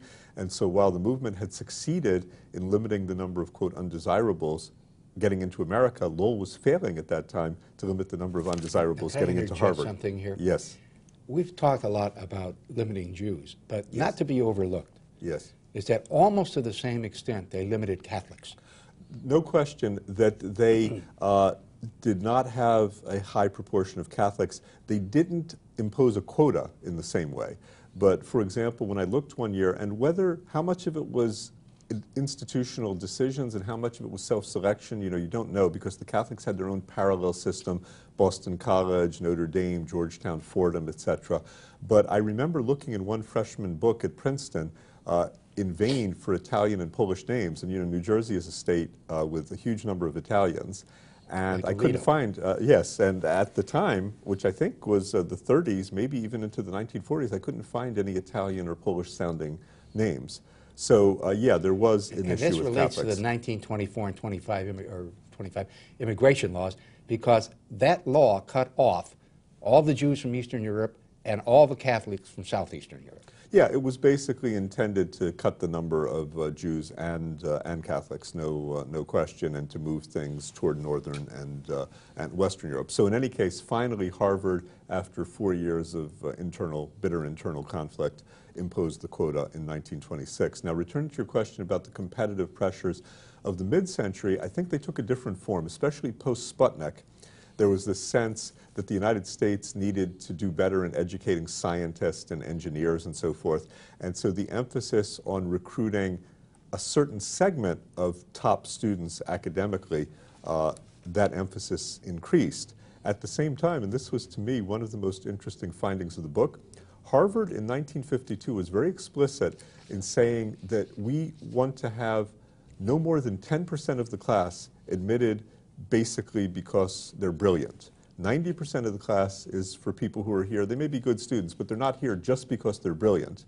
And even those who were the most brilliant applicants, they reserved the right to reject them if they had, quote, serious defects of personality or character.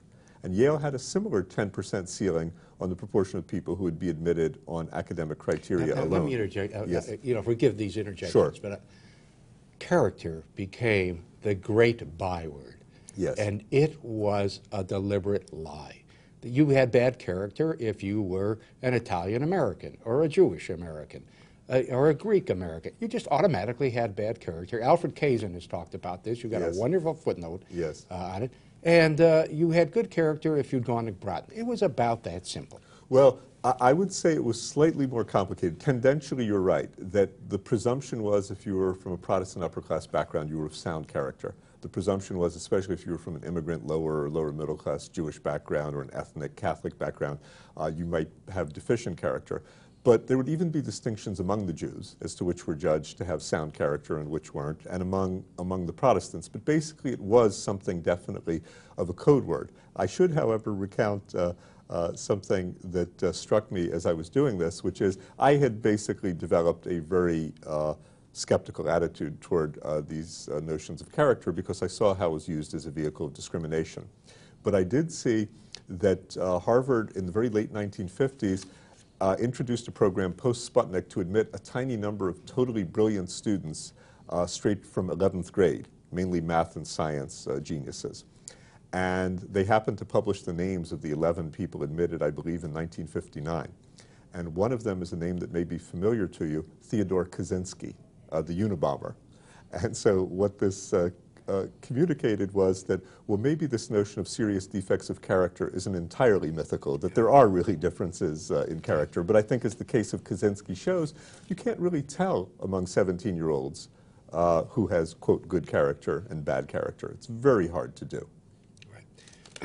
Uh, they ultimately responded in the ni- 1960s and 1970s with a wholesale competitive thrust, thrust uh, to uh, obtain the very best students academically, even though they never relinquished reliance on these other things too. Yes. Why don't you talk about that just a little bit? That was in large part competitively determined, and in large part out of fear that Russia would uh, dominate us. Yes, there was uh, really coming out of World War II, people were well aware that we had won World War II with the atomic bomb in the end. And if the Germans in particular had developed the atomic bomb before we had, that they would have won the war.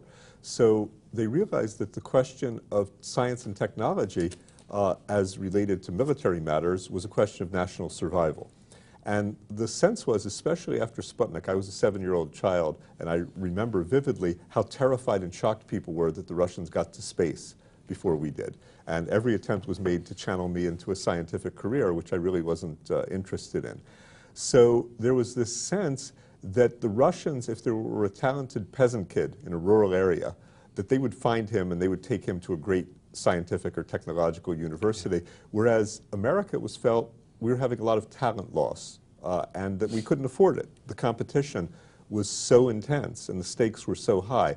So this was one of the forces behind the rise of so-called meritocracy, as was the increasing power of the faculty, which after World War II brought money into the university, especially with grants in science and engineering. And the faculty, especially the scientific faculty, wanted more brilliant students. So the relative power of the faculty increased, and this is the context in which Now, there was up rising another thing. meritocracy. Yes. That brings us to what I'd like you to elaborate. There was, from very early on, Yes. a real uh, difference of opinion, not to say war, between the faculty on the one hand and the administrators and the alumni on the other over who was being admitted. Why don't you discuss that just a little bit and, and uh, say why it occurred and indeed what the alumni revolt was uh, in the late 1960s and early 1970s? Well, uh, there always has been a difference in emphasis. You know, one shouldn't romanticize the faculty. The faculty was not devoid of prejudices, you know, ethnic, racial, and otherwise. I wouldn't romanticize anything. but uh, faculties in general wanted a more academic admissions policy. And in fact, even the Princeton faculty in the early 1920s wanted to have a policy that was overwhelmingly academic in character. But the Board of Trustees, uh, the administration, the alumni definitely did not want such a policy. And by the way, the students didn't want it either. Uh, certainly in the 1920s. So really the faculty, or that segment of the faculty that wanted a more academic policy, stood kind of alone. But by the 1950s and 60s, uh, the faculty had allies within the administration, some allies uh, on the trustees. You know, there was a sense that you couldn't afford to lose these talented kids who might be the next, might invent the next great military weapon. And so uh, a more meritocratic policy was put into place. And so to move quickly to your question about the alumni revolt, and there is an entire chapter uh, of the book on the alumni revolt at Yale and Princeton. The two revolts had somewhat different character. I'd say the Yale revolt was a revolt against meritocracy. It was a revolt against the decline of prep school students, the decline of alumni children, uh, the growing numbers of Jews, uh, the growing number of uh, brilliant students who were there primarily because of their academic brilliance. And so the faculty quite quickly, after a dean of admissions named uh, R. Inslee Clark, known as Inky Clark, uh, admitted his first class in 1966, within days, the alumni were sending in incendiary letters threatening to cut He contributions. five years. He only lasted five years, but he really revolutionized Yale. That Yale changed more in those five years than any of these institutions at any time before or since. And so already at Yale, the revolt was in motion really by 1966, 67. And it cost Yale a lot of money. A lot of alumni did cut contributions. Yale got in to some financial difficulties at that time. At Princeton, the key factor precipitating the revolt was the admission of women, which also intensified the revolt at Yale, but it existed prior to the decision to admit women. At Princeton, uh, which, whose policy hadn't changed as nearly as dramatically as Yale's, the decision uh, in the very beginning of 1969 to admit women, actually for that fall of 1969, uh, was the key factor behind the alumni revolt, which became even more intense and more protracted at Princeton uh, than at Yale. And there were other factors, affirmative action, some of the same issues as tell, at Yale. Tell people why the alumni were so important to the administration. Well, the alumni were major donors, and although their importance had decreased with the rise of large grants from the federal government and also uh, from private major private foundations, uh, the alumni still were a major source of revenue. And the alumni also, they were gatekeepers. You know, they participated in interviewing students, and the institution still relied uh, to a significant extent on, on, the alumni. So you really, you didn't want to alienate your alumni, and especially your wealthy uh, alumni. And so they took them seriously, but in essence, uh, and this is one of the key stories of the book, the alumni revolt in the end failed except in one particular regard they retained preference for alumni kids. And at Yale, where that preference had dropped not to zero, but had dropped very substantially, it was restored to the levels of before Inky Clark and before Kingman Brewster uh, by 1974. What do you think about the fact that, which has come out in the public now? Yes. And I know that the people in Congress are aware of what you've written about this. What do you think about the fact that Samuel Alito joined the Concerned Alumni of Princeton, which was what I think it's fair to call a reactionary organization that spearheaded the alumni revolt at, at Princeton? Well, it, it was a reactionary organization in the quite literal sense in that it wanted to restore the old regime uh, in admissions. And what I found, what I find interesting about Samuel Alito is not so much that he joined uh, the concerned alumni of Princeton, because a number of concerned, you know, a number of conservative alumni did that in the early uh, and mid 1970s but that as late as 1985, when he was a 35-year-old man, uh, fully, you know, mature adult, uh, that when he was applying for a job within the Reagan Justice Department, I believe as Assistant Attorney General, he highlighted his membership in the Concerned Alumni of Princeton. And by that point, the organization had, I believe, a 13-year track record. And it was an organization that basically did not believe in, I think, the most fundamental of American ideals, which is equality of opportunity. In other words, it favored limiting the number of women. It did not favor applying the same admission standards to women as to men. Uh, it certainly was very unfriendly to the inclusion of uh, racial minorities. And it really wanted, in some profound way, to restore the Princeton of old. So I do find it revealing and, in some sense, troubling uh, that Mr. Alito touted his membership uh, in this organization because at the very beginning, uh, even Senator Bradley uh, initially lent his name, but when he found out what the organization stood for, he was not yet Senator Bradley, but he was a very famous player on the New York Knicks, former Rhodes Scholar, he immediately left the organization. So to not only uh, be associated, but to emphasize one's association with this organization, I think raises questions about the extent to which Mr. Alito was really committed to the principle of equality of opportunity for all. And I think that's a very serious matter that deserves uh, one uh, last public thing discussion. Before we, yes. before we go to break on this. Explain uh, the discontinuity, the discrepancy, the contradiction, that would be the better word, between what these schools claimed to stand for and the exclusion of women. Well, uh, very simply, the schools claim to stand for you know meritocracy. They claim claim to stand for equality of opportunity, but they were excluding half the population. Women couldn't even apply, and it was taken for granted. You know, the issue with blacks was always there, not very far under the surface, but it was just taken for granted that women would not be eligible uh, for Yale uh, and Princeton. And so this was a very fundamental contradiction of uh, very widely shared American values. And interestingly enough, the only way they were able to admit women was to, propose, was to promise not to reduce the number of men. Right. But very interestingly, within five years, partly under heavy legal and political pressure, they couldn't sustain not reducing the number of men, and they couldn't sustain treating women differently from men because, in essence, long after Jewish quotas had been eliminated, they still had a quota limiting the number of women. And so all three institutions uh, decided to eliminate these quotas, and all three institutions got counsel from their lawyers that if they didn't do so, they could find themselves yeah. on the wrong side of a very expensive court decision. And now, as I understand it from the book, uh, the percentage of women at some of these schools is over half. I think at Yale, in certain years, it passed 50%. At Harvard, it's generally been just under 50%. At Princeton, now it's hovering around 50%. But yes, I would say the greatest change that has occurred in these institutions is equality uh, for women that's a very dramatic change, and that has been, I think, in general, quite a success. That reminds me of Mark Hanna's comment when William McKinley was shot and T.R. Theodore Roosevelt ascended uh, to the White House, and Hanna said, now look, that damn cowboy's in the White House. yes, yes. You never know what's going to happen. No, that's, that's right. well, we'll be right back with the final segment of this show in just one moment. Stay with us.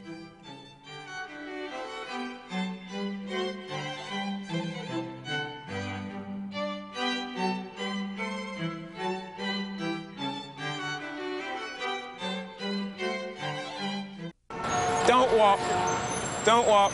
Walk. Do not enter. Hot dogs. Definitely like hot dogs. Motorcycle club. Everything must go. Ghostly ghouls. Don't look at that, Teddy. Body piercing. Ouch. Everyday moments can become teaching right, moments buddy. because learning starts long before school does. Give your child the start they need at bornlearning.org.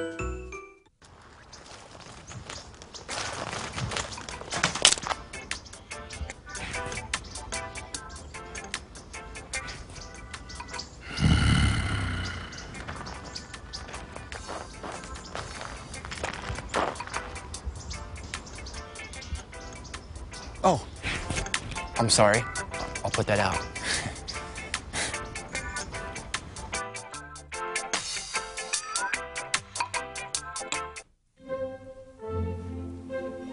Two words for you pop quiz. Ready? Name any funny movie, a drama, name a mystery. And one more thing. Name the movie your kids saw today in science class. Know what really matters. Know about your kid's school and know about your kid. Find out 100 ways to know more, do more. Hey,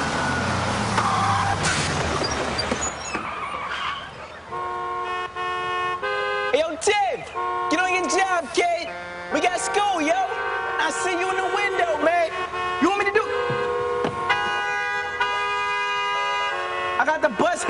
got connections. We holding up traffic. Let's go. I'm not letting you waste your life like that, yeah.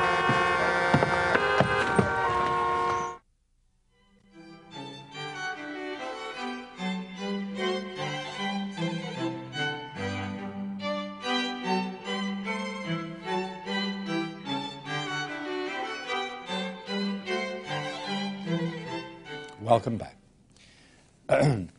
Among the groups, uh, Jerry, which was heavily discriminated against, up until recently, uh, up until very recently, really, uh, were Asian Americans. Uh, why don't you tell uh, how this, what the charges were in the 1980s and uh, how it changed? And I gather you have had something to do with that change. Yes. Well, in the 1980s, Harvard became the object of investigation uh, of the Office of Civil Rights of the U.S. Department of Education. And there were accusations of discrimination against Asian Americans. And in fact, Asian May- Americans. May I ask you, something? that would never have happened had there not been a vast outcry by the Asian American community, would it? No question. And before that, the civil rights movement, which kind of laid the moral and legal groundwork. So the Asian American students who applied to Harvard were admitted at a lower rate.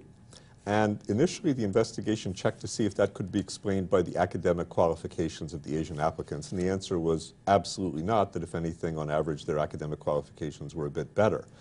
So Harvard had to explain how it was that the Asians had slightly better academic qualifications but were being admitted at a lower rate than the white students. And so what Harvard did, and ultimately uh, the Office of Education actually backed Harvard, was to say that because we favor alumni children, and because we favor athletes, especially projected varsity athletes, and fewer of the Asian Americans have parents who went to Harvard, and fewer of them are projected varsity athletes, that once you control for that, then in fact the Asian Americans are treated the same as whites. And a very careful investigation, which I believe was broadly correct, concluded that that was true. But I also unearthed the following uh, during the course of the investigation. First of all, and this is discussed extensively in the book, that if you looked at the actual comments of the interviewers, you know, short, big ears, coffee house type, uh, shy, all kinds of personal characteristics seem to figure in uh, to the assessments of candidates. So the sense that someone who's better looking has a better chance than someone who is odd looking certainly seemed to be corroborated. But the other thing that I It saw... wasn't just odd looking, it's that they were different. They had a different Right. culture. Yes. And they were different in physical stature, not having been exposed to the growth possibilities that occurs in America because of better feeding for a couple of generations. Right, and they also, it's a different culture. There were fewer projected football players and so forth. But what was interesting was during the course of the investigation, as Harvard was under intense scrutiny, the proportion of Asian Americans who were admitted compared to whites kept going up and up and up. And then immediately after we didn't Harvard... do it, but if we did it, we're changing. Right, but then immediately after the investigation ended, then it actually dropped a bit. So this was, uh, this was very interesting. But I think the Asian case is really interesting in that it raises the question of the definition of merit. So for example, at Princeton, uh, when a new dean of admission came in in the late 1980s, he, I think, placed greater emphasis on sports, uh, turned to a lot of uh, suburban schools, uh, placed, I think, more emphasis on geographical uh, That would be diversity. Uh, that would be uh, Dean Hargadon. And I don't think it was the intent, but the effect was to actually cut the proportion of Jewish students. And there were a number of articles in the Daily Princetonian about the proportion of Jewish students, which had risen as high as 20% at Princeton, dropped to the vicinity of 10%, although it had been dropping even before Can I ask you a Hargadon question, came in. Yes. After uh, 42 years as a lawyer, I'm of the opinion that people always have some baloney reasons that they can put forward for doing evil things that they want to do. You think there's any uh, applicab- applicability of that here? Well, I would say, first of all, that people almost never understand themselves to be doing evil things. They always attribute the most high minded motives to their own behavior. And so, even when people were imposing quotas, they thought it was for the good of the institution. Um, I think that they do have their reasons, and their reasons often disguise the actual practices and the actual underlying uh, dynamics. And so I, I think, you know, one of the big themes of the book is that the definition of merit has been constantly redesigned to produce the desired outcome. It's the opposite of if the chips, let the chips fall where they may. That you basically want to produce a particular result, and so you change the definition of merit to try to produce the result. And if the neutral application of that new definition doesn't work, then you can deploy the discretion, which is then shrouded in opacity, to kind of fix things at the margins to produce the results. In other words, if I may put it this way, Jerry, those who have played by your rules and succeeded in beating you suddenly find that the rules change from under them. Uh, the rules certainly have changed. and, You know, we've seen that in a number of cases, most dramatically in the 1920s, yes. So you basically redesign the rules. That if the wrong outcome, the wrong people are winning the game, then you change the rules. It's, a, it's as if the first team to score in overtime loses. Yes, well, there's a lot of uh, there's a lot of flexibility in the system, but you know sometimes it's done for high-minded motives. Sometimes it's done for purposes of inclusion, uh, for purposes of diversity. It's not always done for purposes In of fact, exclusion. one of the points you make is it was this use of non-academic factors that permitted in the 60s and Yes. 70s the schools to begin taking people who had previously been excluded. No, that's right. And so I think, you know, the affirmative action case, where I did support the University of Michigan, and I did support the position, you know, publicly enunciated by Harvard, Yale, and Princeton, uh, basically, yes, deployed the same system. So the system, in that sense, is neutral. It can be deployed for purposes of inclusion as well as exclusion. Right. Do you think that uh, the Supreme Court uh, accurately uh, described uh, what was occurring in its description in the uh, in the uh, University of Michigan cases? Uh, I raise this because, um, number one, I think you don't believe they they did it accurately, and you also make the point, and I think it's true, and it goes back to something a point we were discussing at the very beginning of the previous hour. You make the point the Supreme Court seems to slavishly follow whatever Harvard puts before it in the way of amicus briefs. Yes, well, uh, the Supreme Court did cite Harvard's policy, you know, as a model. It was a guide as to what was legally permissible. And I think uh, I would describe it as a somewhat sanitized version of Harvard's policy, uh, that yes, uh, there is individualized consideration, but, you know, basically Harvard has outcomes in mind, you know, certain number of football players, uh, certain number of people from certain regions and so forth. So I I think it was a uh, somewhat sanitized uh, version of what, uh, what Harvard does. What happened at Berkeley Berkeley with Asian Americans? Well, what happened at Berkeley, and I was directly involved with this, uh, at Berkeley, uh, there was a con big controversy in the 1980s. The proportion of Asian Americans was rising. And there was one particular policy change that was introduced that had a disproportionately negative impact on Asian Americans. I don't think it was its intent, but it was the effect, and that was that there had been a previous policy of admitting all students who were socioeconomically disadvantaged enough to qualify for, I think, something called the EOP program, the Educational Opportunity Program, who met the bare qualifications to be admitted to Berkeley. And basically, by the mid 80s, Berkeley was getting so many applicants that there was a feeling that they could no longer afford to admit people who barely met the qualifications just because they uh, qualified for this EOP program but a disproportionate number, large number, of the people who qualified were Asian American, who were relatively poor and who had relatively good academic records. So when this happened, there was a slight drop in what had been a previously a pattern of increase. So the Asian Americans, understandably, were very concerned, thought that this was a clear sign of discrimination and the opening wedge of perhaps quotas against Asian Americans. I was around this time a member of the faculty committee uh, to set admissions policy, and I was in the midst of this crisis asked to chair that committee. And so we implemented a number of changes that were designed to make sure that Asian Americans were not discriminated against vis-a-vis -vis, uh, whites. And uh, we also introduced a policy where we maintained race-based affirmative action, but also introduced class-based affirmative action. So if somebody was poor, including if they were white or Asian, they would still get special consideration in admissions to Berkeley. So right now, at Berkeley, the proportion of Asians is over 45 percent. And I think it's fair to say that there is no discrimination against Asian Americans. You know, it's a different demography, a different institution, but nearby Stanford's about 25%. I think Harvard's around 20%. Uh, we're at roughly 45% at Berkeley. Uh, the state is roughly about 50% Asian American. No, only about 12% Asian American. That's all? Yes, oh, 12% okay. Asian American, but roughly 45% of the freshman But they simply do outsizely well, if I may put yes, it that way. Yes, they do well. They do well, and Berkeley uh, recognizes that. Yeah, yes. yeah. You, you talk a little bit in the book. I suspect you'd like to talk a lot more about economic affirmative action. Yes.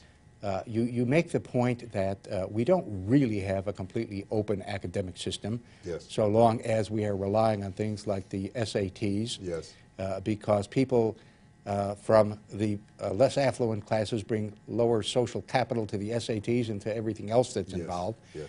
Uh, and that if schools wanted to, they could indeed engage in uh, uh, economic affirmative action without any sacrifice of what they have been prone to say, as does Harvard and others, uh, are the normal criteria of the SATs and grade point averages. Would you please elaborate on what could be done and why it should be done, in your opinion, uh, to uh, have more economic affirmative action? Well, I, I, do argue in the book that there should be, uh, you know, class-based affirmative action, that they should try to have a larger number of students from disadvantaged backgrounds of whatever race. But I think the deeper point is that if they use the existing definition of merit, there is a relatively decent-sized pool, but it's small, of people who are both socioeconomically disadvantaged and who have the requisite SAT scores. But I think if they're serious about this, they're going to have to have a somewhat more uh, flexible definition of merit. If I they're really in the book, you say there's something like 12,000 people yes. every year yes. who fit into certain lower income categories, yes. who have above a 650 on the math and the and the uh, uh, verbal uh, parts of the SATs. Now, somebody gets a 650 is liable to have some ability. Th that's true, but a 650 wouldn't normally get you in. It puts you in the ballpark, but it would not normally uh, get you in. So these are people, if they're treated in a totally even-handed way, chances are they wouldn't, uh, they wouldn't be admitted. So I basically use it as a case where I think a more flexible and imaginative definition of merit uh, might, be, uh, uh, might be warranted.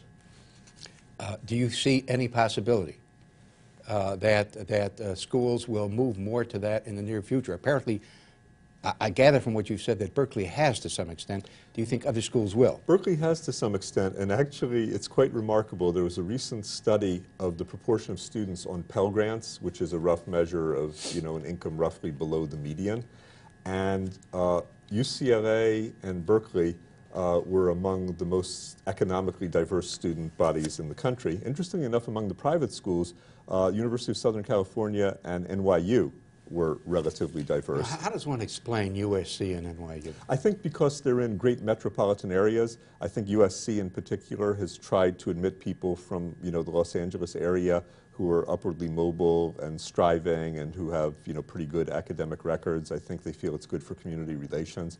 You know, NYU is in the great immigration center probably of the entire world, and so I suspect some of these relatively poor students are the children of uh, immigrants. But uh, the key point here is that Harvard, Yale, and Princeton, for all their need-blind admissions, all their commitment to meritocracy, I think Princeton was the lowest ranking in economic diversity, and Yale and Harvard were only a bit better. So although Harvard, Yale, and Princeton have among the highest SATs and the most selective student bodies of the 50 leading research universities, they're among the least economically diverse Would of you these explain in the one minute that, the, uh, uh, that remains to us? So you point out that the uh, median family income at Harvard is $150,000. Yes. Which is a large income in America and not sufficient by far to send a child to Harvard. Yes. Um, what should we do about uh, that? what should we do about legacies? And what is the effect on this question of the fact that these three institutions have uh, endowments so huge Yes. that Harvard, for example, could pay every nickel for every person on the campus from only about one third to one half of the interest it earns on its endowment, and the other two schools are richer on a per capita basis. Well, there, there are a lot of questions there. The one I can respond to most directly is I'm in favor of eliminating uh, alumni preference, legacy preference. Uh, and there are actually people within Harvard who are themselves graduates who are in favor of eliminating legacy preference. So if I had to predict, I would say it's not going to happen, but it, it could happen. Contributions from alumni just don't mean squat when you have $25 billion, do they? They certainly don't mean what they used to mean. Yeah. Uh, far, far less. Uh, but I think the problem is deeper than one of money. That I think that if you took money out as a factor, I believe that the uh, the proportion of people who would be admitted from disadvantaged backgrounds would still be modest because the kinds of people who present the kind of profile, the kind of extracurricular profile, which often implies a lot of time, private coaching, and so forth, the kind of academic profile, which implies being at fine schools from kindergarten onward, that most of those people will be relatively privileged. So I think one of the key points of the book is that the privileged are the meritorious as merit is defined. As merit is defined. We have to wrap it up. Thank you. Well, thank you. It's I been guess a great you're going back to. Berkeley today. Thank, thank you very much. It's going to be a big day. to the audience, thank you for being with us for these two shows, I hope for both shows, and be with us again next time for the next edition of Books of Our Time.